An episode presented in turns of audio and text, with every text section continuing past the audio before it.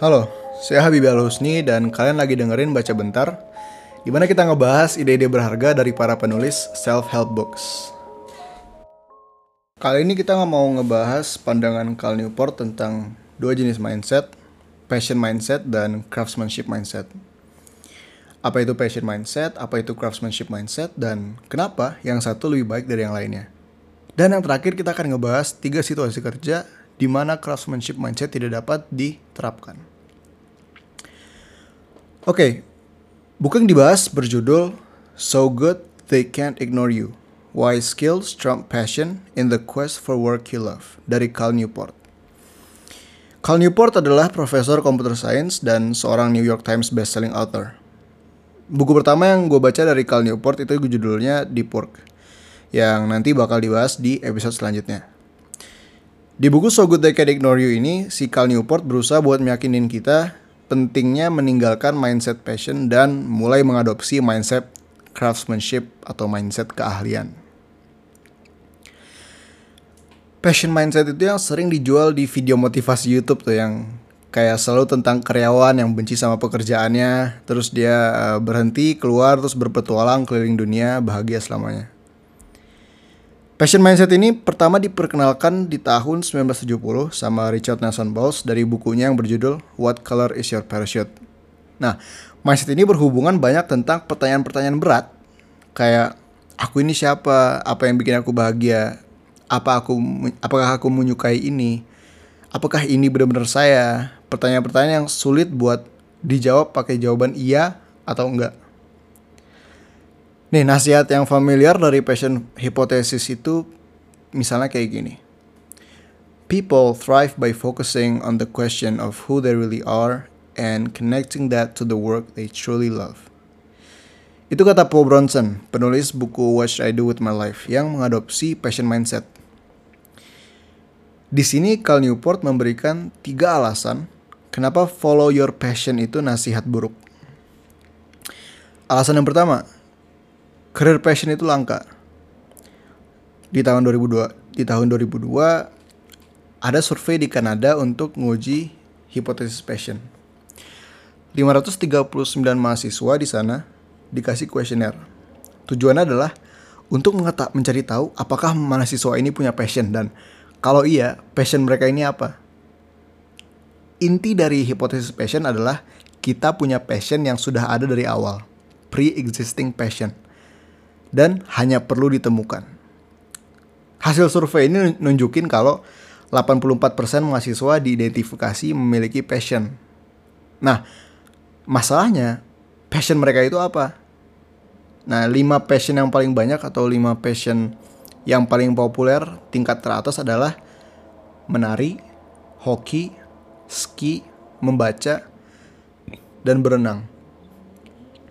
Menurut Cal Newport, kelima passion ini gak punya banyak untuk ditawarkan dalam hal memilih pekerjaan gitu. Bahkan cuman 4% dari passion mereka yang ada hubungannya sama pekerjaan dan pendidikan. Argumen dari Newport adalah bagaimana kita bisa mengikuti passion kalau kita nggak punya passion yang relevan buat diikutin. Alasan kedua kenapa follow your passion itu nasihat buruk adalah passion takes time. Passion perlu waktu.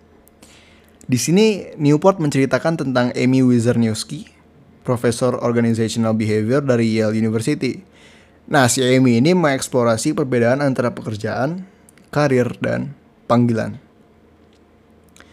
Menurut Amy, pekerjaan adalah cara untuk dapat gaji atau paying the bills. Karir adalah jalan untuk mendapat kerja yang lebih baik. Dan calling adalah kerja yang menjadi bagian penting dari kehidupan kita dan bagian penting dari identitas kita. Amy mensurvei banyak karyawan dari berbagai bidang dan menemukan kalau kebanyakan orang mengidentifikasi mere kerja mereka menjadi tiga kategori tadi. Job, karir, dan calling. Kalau menurut hipotesis passion, pekerjaan yang sesuai dengan passion umum kayak pekerjaan yang uh, terkenal sebagai passion itu uh, bisa uh, kayak pilot dan dokter itu seharusnya kan punya proporsi besar untuk dianggap sebagai true calling. Sedangkan untuk pekerjaan yang jarang jadi cita-cita orang atau yang kurang menarik istilahnya seharusnya nggak ada yang nganggap itu sebagai true calling. Untuk menguji teori ini, Amy mewawancara orang yang punya pekerjaan yang sama dengan tugas yang serupa. Ternyata, walaupun pekerjaannya sama, jumlah yang menganggap pekerjaan itu sebagai job, karir, atau calling hampir sama banyak.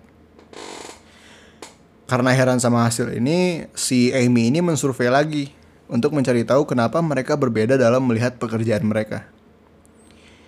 Ternyata, faktor terbesar yang bikin orang menganggap pekerjaannya itu sebagai true calling adalah berapa lama dia di posisi itu.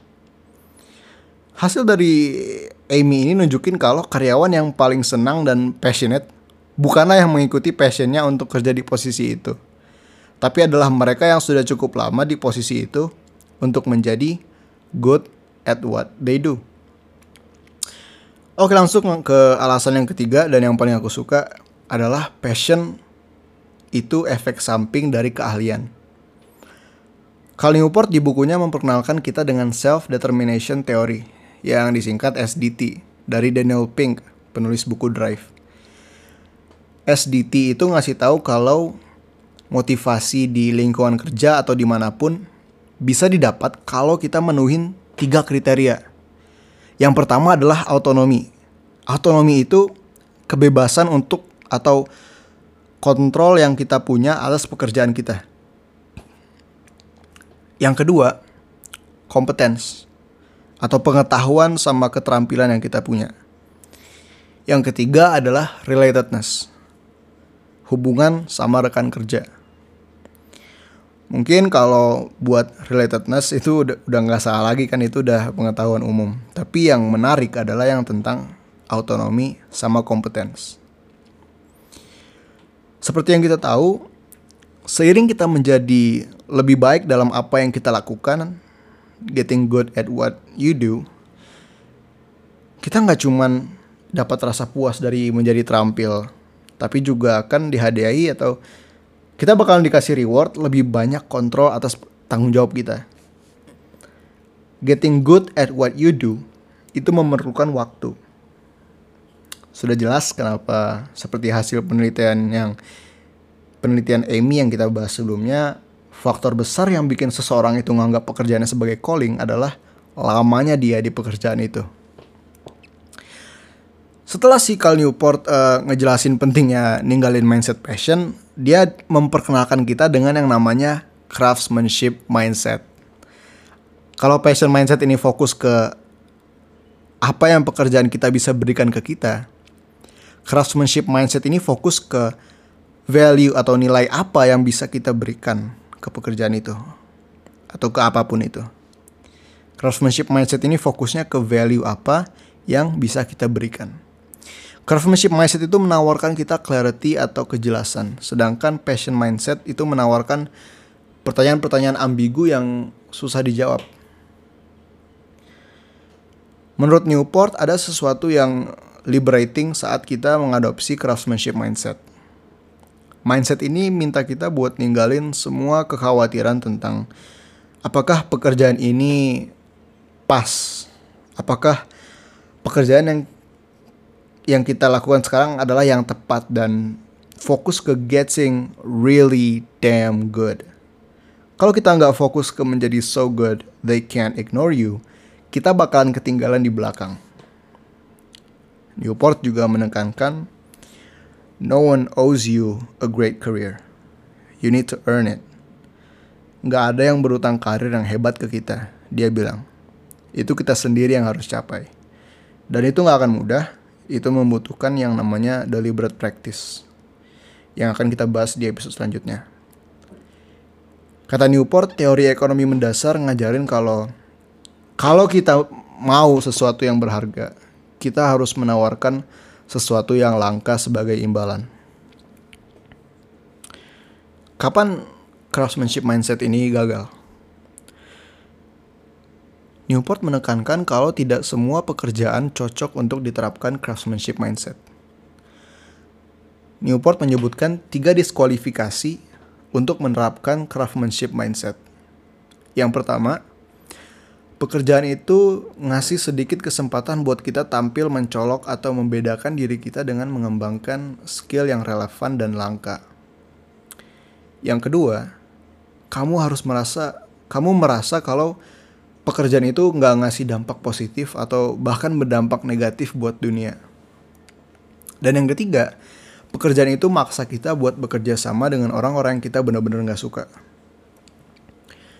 Pekerjaan yang punya dua dari tiga sifat tadi bahkan akan bikin kita gagal dalam membangun karir kapital kita. Oke, gue uh, beruntung banget sama uh, udah ketemu sama buku ini, terutama sebagai mahasiswa manajemen. Manajemen kan sifatnya general banget dan suka bingung tuh kalau lulus ntar mau ke mana. Passion gue tuh di bidang apa dan dari kecil tuh cita-cita kan suka gonta-ganti dan belum gue tuh belum ada plan yang konkret untuk 10 tahun ke depan itu mau jadi apaan. Gue tahu gue suka joget, dengar musik, ngegambar, berenang, tapi ya ya udah maksudnya sekedar aja lagi orang kayak gimana yang mau bayar buat lihat gue joget. Dan buku ini ngelepas beban pertanyaan-pertanyaan gak jelas itu. Nyadarin gue buat berhenti mikirin pertanyaan yang jawabannya gak ada. Dan fokus ke getting really damn good. Apa pun yang ada di depan kita. Gue nyaranin banget buat baca buku ini, terutama buat mahasiswa. Carl Newport juga nulis buku yang berjudul Deep Work, yang bakalan kita bahas di lain waktu. Terima kasih udah ngedengerin sampai akhir. Semoga bermanfaat dan sampai jumpa minggu depan.